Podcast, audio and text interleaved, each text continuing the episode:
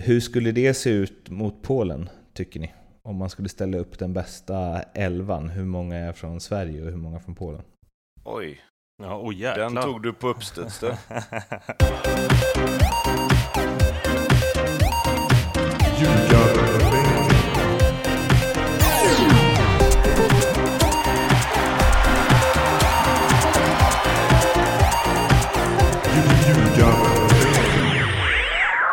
Det här är Ljugarbänken i samarbete med NordicBet. Det är en special som det alltid är nu för tiden och det har blivit dags för den avgörande, eller avgörande, sista gruppspelsmatchen mot Polen.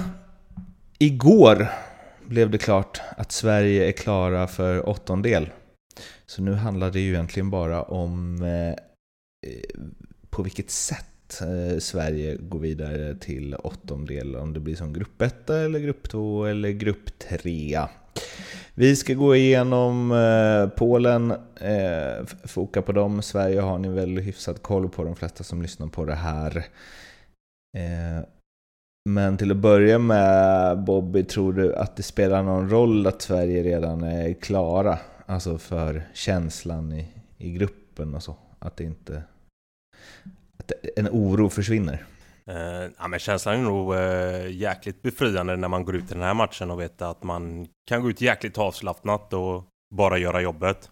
Eh, men oavsett så handlar det om att gå ut och vara påslagna ändå och ta de här jäkla tre poängen så vi vinner gruppen. Tobbe, tror du det gör någon skillnad att de är klara?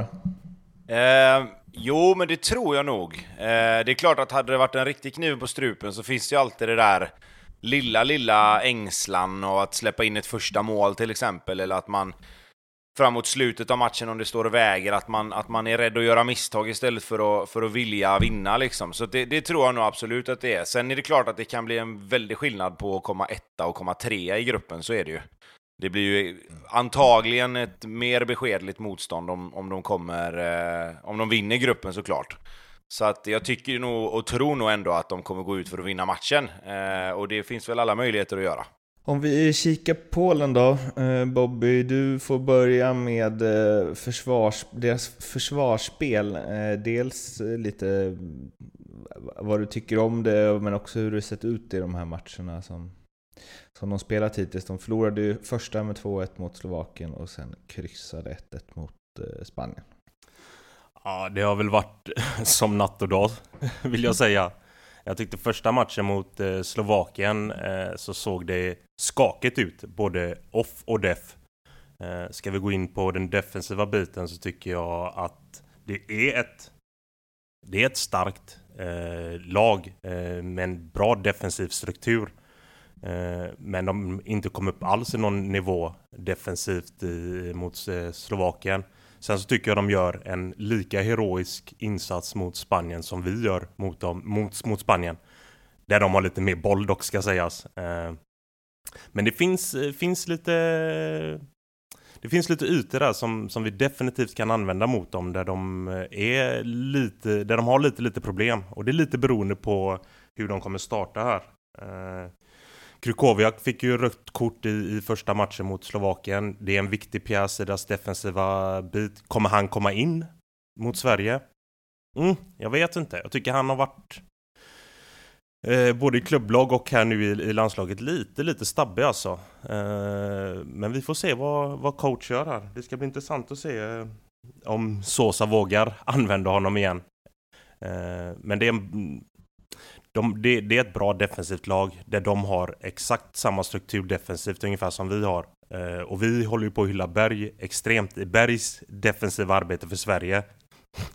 Här har de kanske en av världens bästa defensiva forwards i eh, Lewandowski eh, som gör ett otroligt jobb defensivt. Och det ser man ju även i Bayern München när han lägger in första pressen hur jäkla skicklig och bra han är. Um, så att de har ett, de har ett bra och jäkligt starkt defensivt lag. Det här med att eh, det såg betydligt bättre ut mot Spanien än vad det gjorde mot Slovakien. För mot, eh, jag, jag, såg inte så mycket av Spanien-matchen, men jag såg eh, Slovakien-matchen och det var ju, där var det ju väldigt rörigt alltså. Eh, det var väldigt konstigt agerat på målen. Ehm, tror du att, eller det borde ju gynna Sverige att det såg bättre ut för Polen mot Spanien än mot Slovakien. För det känns som att matchbilden kommer bli mer lik den mot Slovakien. Att det är mer två jämna lag. Alltså, jag tänker alla kan backa hem och eh, försvara sig. Eh, om man fokar fullt på det. Men eh, nu, det i Polen behöver ju mer gå för det i den här. Ja, eh, så är det ju absolut. Ja, det, det, är ju lite vad, vad man tänker här med, med eh, Krukoviak. Jag tycker att eh, in med lite, lite yngre spelare som de hade nu i, eh, mot Spanien där de eh, var mer påslagna. Och det här är ju den här matchen som vi har pratat om i Sverige att det här kommer bli som vi trodde på förhand kommer vara den viktigaste matchen för, för Sverige. Nu är ju läget någonting helt annat med tanke på att vi har fyra poäng. Polen, de behöver ju tre poäng i den här matchen så att de kommer nog gå för det jäkligt hårt, vilket gör att det kommer kunna gynna eh, oss i vårt offensiva spel. Eh, för att här finns, det finns det finns en hel del ytor som man kan utnyttja mot Polen som jag vet att Janne har koll på. Och det är främst eh, framför deras backlinje. Eh, och även bakom för att de har tre vi ska ändå säga att det är tre bra mittbackar de har, men de är lite långsamma. Eh, så kan vi få in lite bollar bakom där eh, och hota dem lite bakom deras backlinje så kommer de ha stora problem. Tobbe, offensivt. Eh, finns det någon Lewandowski där kanske som man ska hålla utkik efter? Ja, det finns det ju definitivt och jag tycker att han höjde sig rejält från matchen mot Slovakien. Han var direkt blek i i första matchen. Eh, I den här matchen så gjorde han det som han, som han är så bra på. Han hittade ytor, han eh, länkade ihop med, med resten av spelarna och framförallt i, i den här matchen nu när det blev att Polen blev väldigt, väldigt låga i perioder, precis som Sverige blev, så var han ju eh, klasserna bättre på, på att få fast bollen och se till att laget kom upp i plan en 30-40 meter när de väl skulle ställa om. Och när de ställde om så gick det undan. Eh, jag var lite överraskad över att de hade tagit bort Linetti från startelvan i den här matchen, men det visade sig vara ett, ett ganska bra drag, för att jag tycker att det kom det, det kom folk, både, både Linetti och, eh, och Zelinski trodde jag skulle vara, vara givna, men, men de, eh, Zelinski var bra och det, det, som sagt, när de kommer i den farten de gör, jag, jag är inte riktigt lika säker på att de kommer att, att gå för det på det sättet, att de kommer bomba på offensivt, för jag tror att de jag tror de märkte att den här matchbilden passar dem ganska bra som var mot Spanien. Eh, jag tror de är rätt bekväma i att låta Sverige ha bollen och sen ställa om, för att de vet att Sverige inte är lika skickliga som Spanien är. Så att ja, jag, eh, jag kan nog tänka mig att de gör något liknande mot, mot Sverige som mot Spanien med vetskapen om att de kommer att kunna ställa om och de kommer att ha bollen mer. Men jag är inte säker på att de går ut och bara liksom tokkör för att för att få det här liksom, eh, övertaget direkt. För jag tror att de är lite rädda för Isak och, och, och bombar de på för mycket framåt så kommer de åka på kontringar åt andra hållet istället och det, där är de inte riktigt lika starka. Det pratas ju förstås mycket om Lewandowski och eh, och vi var in lite på det här i eh, Ljugarbänkens EM-studio som ni hittar på vår Instagram, Ljugarbanken Podcast. Um, men eh, just att liksom hur bra Lewandowski är i Polen kontra i Bayern München eftersom Bayern München ju är ett mycket, mycket, mycket bättre lag än polska landslaget. Vad, vad är det mest han eh, tappar eller vad man ska säga? Eller hur, hur bra, hur, hur nära sin Bayern München-klass är han i Polen? Alltså han har ju en bit, han har ju en bit upp till det såklart. Eh, och det beror ju, alltså enkelt sett så beror det på att här måste han göra mycket mer själv. Eh, I Bayern München har han ju spelare runt omkring sig som kan hjälpa honom. Han behöver inte, han behöver inte liksom göra saker så mycket på egen hand, utan i Bayern är han ju för det mesta, han gör, han gör mycket bra utöver att bara göra mål såklart, men där kan han ju fokusera mer på att bara ligga inne i straffområdet, ligga rätt. Han länkar bra i Bayern också, men, men sen när han har gjort det så behöver han ju inte fundera så mycket mer på vart han ska ta vägen än att ge sig av in i straffområdet. För där har de spelare runt omkring som, som löser det andra. Här är det ju inte riktigt så. Här måste han kanske vara med och länka en gång till för att det ska bli ett fungerande anfallsspel. Och det är väl det som är den stora skillnaden, att han hamnar ofta eh, några meter längre bort från mål, men när det väl vankas inlägg, när det väl vankas inspel, då såg vi mot Spanien att då är han ju där liksom. Eh, en liten, liten knuff och sen perfekt nick så fort han fick chansen så, så är det mål liksom. Och det är ju det Sverige måste, måste vara beredda på att oavsett om han springer och är overksam inne i straffområdet en hel match så kommer det inte krävas mycket för att han ska göra mål. För många, många år sedan när jag satt på någon presskonferens så var det en eh, tränare som jag har glömt vem det var. Jo, men det var nog eh, Roland Andersson tror jag. Som sa att, eh, eller han eh, liksom gick igenom styrkeförhållanden mellan Sverige och deras motståndare, vilka det nu var. Det kanske var Spanien. Eh, med att eh, hur liksom en gemensam startelva hade sett ut. Och då sa han att det är 9-2 till dem i en sån. Eh, och det tyckte jag var ett kul sätt att så här, eh, på något sätt eh, eller det, det, har man gjort med kompisarna, men det är sällan man hör det från en assisterande förbundskapten. Hur skulle det se ut mot Polen, tycker ni? Om man skulle ställa upp den bästa elvan, hur många är från Sverige och hur många från Polen? Oj, Ja, oh, den tog du på uppstuds uh, jag skulle nog säga spontant att om jag tittar, ja, tre eller fyra från Polen hade jag nog tagit. Uh, Lewandowski är ju tokgiven. Uh, jag skulle sätta in Zelinski där också. Mm. På en av kanterna. Uh, jag skulle sätta in Bednarek i mittförsvaret. Och jag skulle nog ändå välja Chesney före Olsen. Kanske inte efter det här mästerskapet, men om man tittar innan och vad de har gjort innan så uh, tycker jag ändå Chesney är före. Så det är väl de fyra möjligtvis i så fall. Bobby? Ja, jag tycker han... Tobbe är nog inne på det. Jag hade också... Mm, när jag sitter och tittar på, på deras elva här mot... Eh, ja, mot Slovakien så, så är det en, en, en, fyra spelare som jag definitivt skulle vilja ha in i svenska land, landslaget här. Eh, Mateusz Klisch också från Leeds. Intressant spelare. Eh, som jobbar stenhårt, tvåvägsspelare. Ja, jag säger en fyra. Jag tar bort eh, Robin Olsen för jag tycker Robin, ja, om man tar till det här mästerskapet så har Robin Olsen varit eh, ja, fuck, en av de bästa keeprarna. Så jag har också fyra här. Tror ni med att de här förutsättningarna som är inför den här matchen, dels liksom styrkeförhållanden lagen emellan, dels poängmässiga förutsättningar. Eh, eller hur, hur tror ni att matchen kommer bli? Det känns ju på förhand som att det kommer bli väldigt jämnt. Ja, och det är ju den här, det är ju den här matchen på förhand som alla har pratat om också, att det här kommer ju vara den viktigaste matchen i gruppen för båda lagen.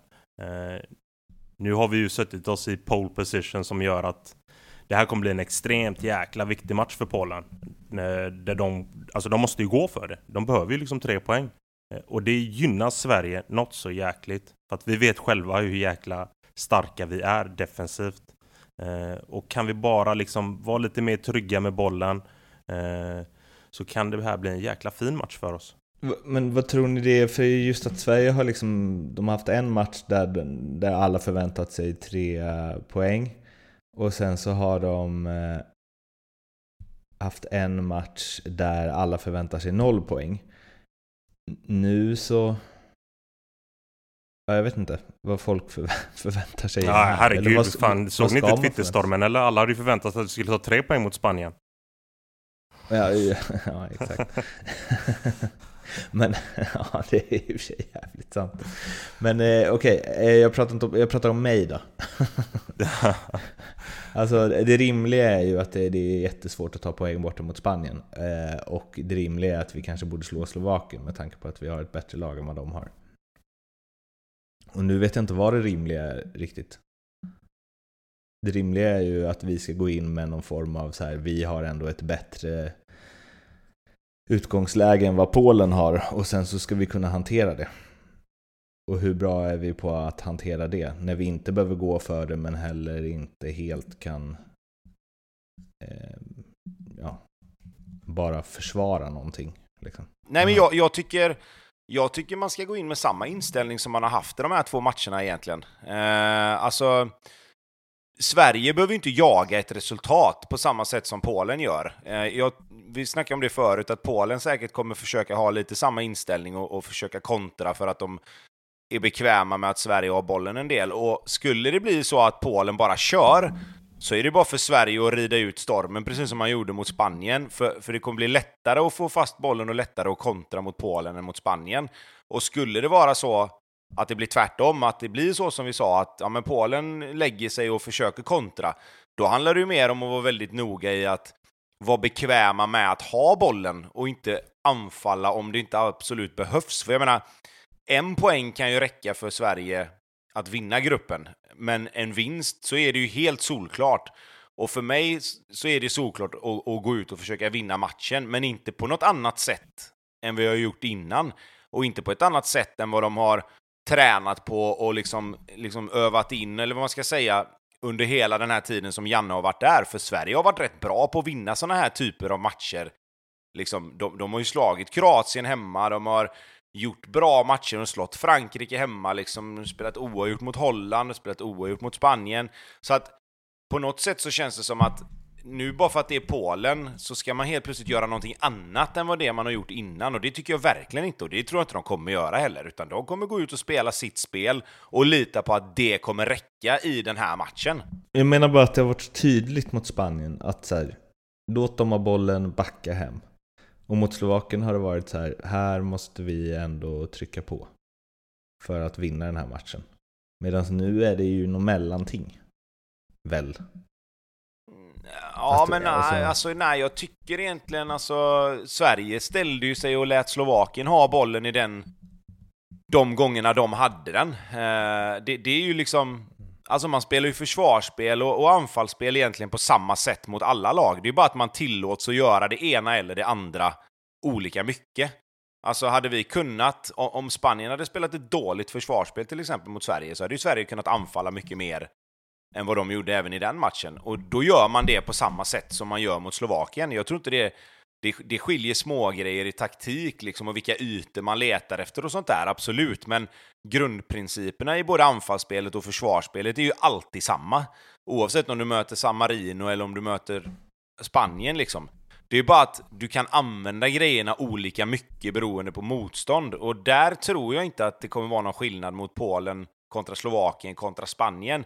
Sen som vi sa där, att det är klart att man skruvar lite på de taktiska bitarna och tänker att okej, okay, men Spanien spelar så här, då behöver vi anfalla här och vi behöver försvara så här. Eh, men, men grundidéerna är ju nästan alltid samma. Eh, du har ju alltid någon, någon sorts stomme som du utgår ifrån och jag tror det, det, kommer, det kommer inte se jättemycket annorlunda ut i den här matchen.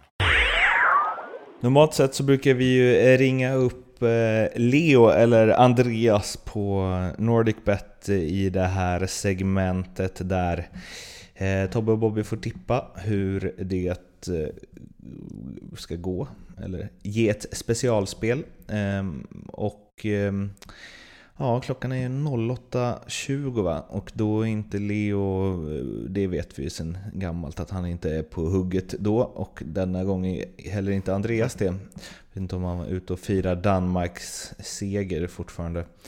Men eh, ni har ju ändå lagt eh, varsitt spel, så Tobbe du får börja. Ja, jag har ju då det spelet att Sverige vinner matchen och att båda lagen gör mål. Eh, vilket ger mig sex gånger pengarna. Och det tar jag. Mm. Eftersom det är jag själv som säger det. Blir det 2-1 eller? Ja, jag har ju sagt att eh, Sverige ska vinna den här matchen. Eh, och i och med att jag sa 2-1 mot Slovakien, men det blev 1-0, och att jag då hade 1-0 mot Polen efter mitt första långspel där, så måste det ju bli 2-1. Mm. Att, eh, Hur tänker du att det går till? Jag tänker att för... eh, Sverige får eh, en fast situation som vi tar ledningen på. Och sen kommer det bli så att Polen behöver trycka på och Sverige får försvara sig. Och då eh, tror jag att Sverige gör 2-0. Och sen kommer Polen eh, försöka mot slutet och få ett tröstmål. Men eh, det blir väl precis tvärtom antagligen, att Polen tar ledningen och sen vänder Sverige. eh, Bobby, hur är ditt spel? Eh, med vårt solida defensiva spel så håller eh, Robin Olsen en... Eh, han, håller, han håller clean sheet här. Men inte det jag har, utan jag har att Sverige vinner och under 2,5 mål. Så att det blir en nolla då ja. Precis. Sverige vinner med 1-0. Mm. Gör ett mål i 60 60... Jag skulle säga 62, 63 där någonting så smäller vi in den och sen deffar vi duktigt. Mm. Ja, det låter, det låter bra. Inte ett enda insläppt eh, mål under um, gruppspelet. Och du får ju, du får ju 5,50 ehm. för den Bobby då, ska vi säga. Ja, fan, jag tycker nästan att det är sex gånger pengarna, men okej, vi tar 5,50. Jag, jag, jag, kan inte gärna gå in och ändra deras odds här. Det, så, så pass makt har jag verkligen inte. eh, eh, spelen hittas, är det under Love the Bet? Eller Love the Bet, Ljugarbänken, specialspel. Ja. Jag behöver inga lappar, jag, jag kan den linen nu som eh, båda de gubbarna kör där. Spelen finns alltså hos NordicBet. Kom ihåg att spela ansvarsfullt och att du måste vara minst 18 år för att spela. Och behöver du hjälp eller stöd så finns stödlinjen.se.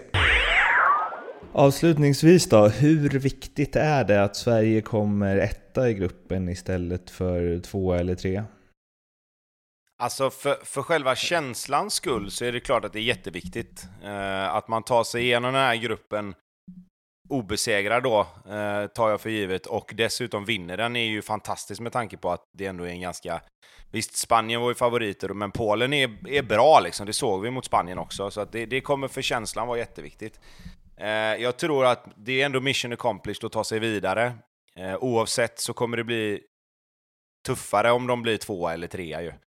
Sen är det ju så, jag menar, man vet ju inte riktigt. Det beror ju helt och hållet på hur det går i de andra grupperna, vilken, vilka treor som blir. Jag menar, nu vet inte jag helt hundra hur det kan bli, men jag menar, säg att Sverige skulle få den trean som kommer från dödens grupp, då spelar det ju fan ingen roll om de vinner gruppen egentligen. Eh, för då får de ju möta Portugal, Tyskland eller Frankrike ändå, så att Vet, nu vet inte jag, jag har inte hundra koll på om det kan bli så, men det är klart att det alltid är bättre att gå, gå in i, i ett slutspel med och ha vunnit gruppen, så är det ju. Så eh, är det. Eh, vi kommer höras igen eh, efter Sverige-Polen, både i poddformat och i Ljugarbänkens EM-studio som ni hittar på Instagram. Så in och följ oss där, Ljugarbanken podcast och sen så hörs vi igen när Sverige vunnit mot Polen och vunnit gruppen och allt är frid och fröjd inför åttondelarna. Tills dess, må gott, hejdå! Ha det gött, hej då!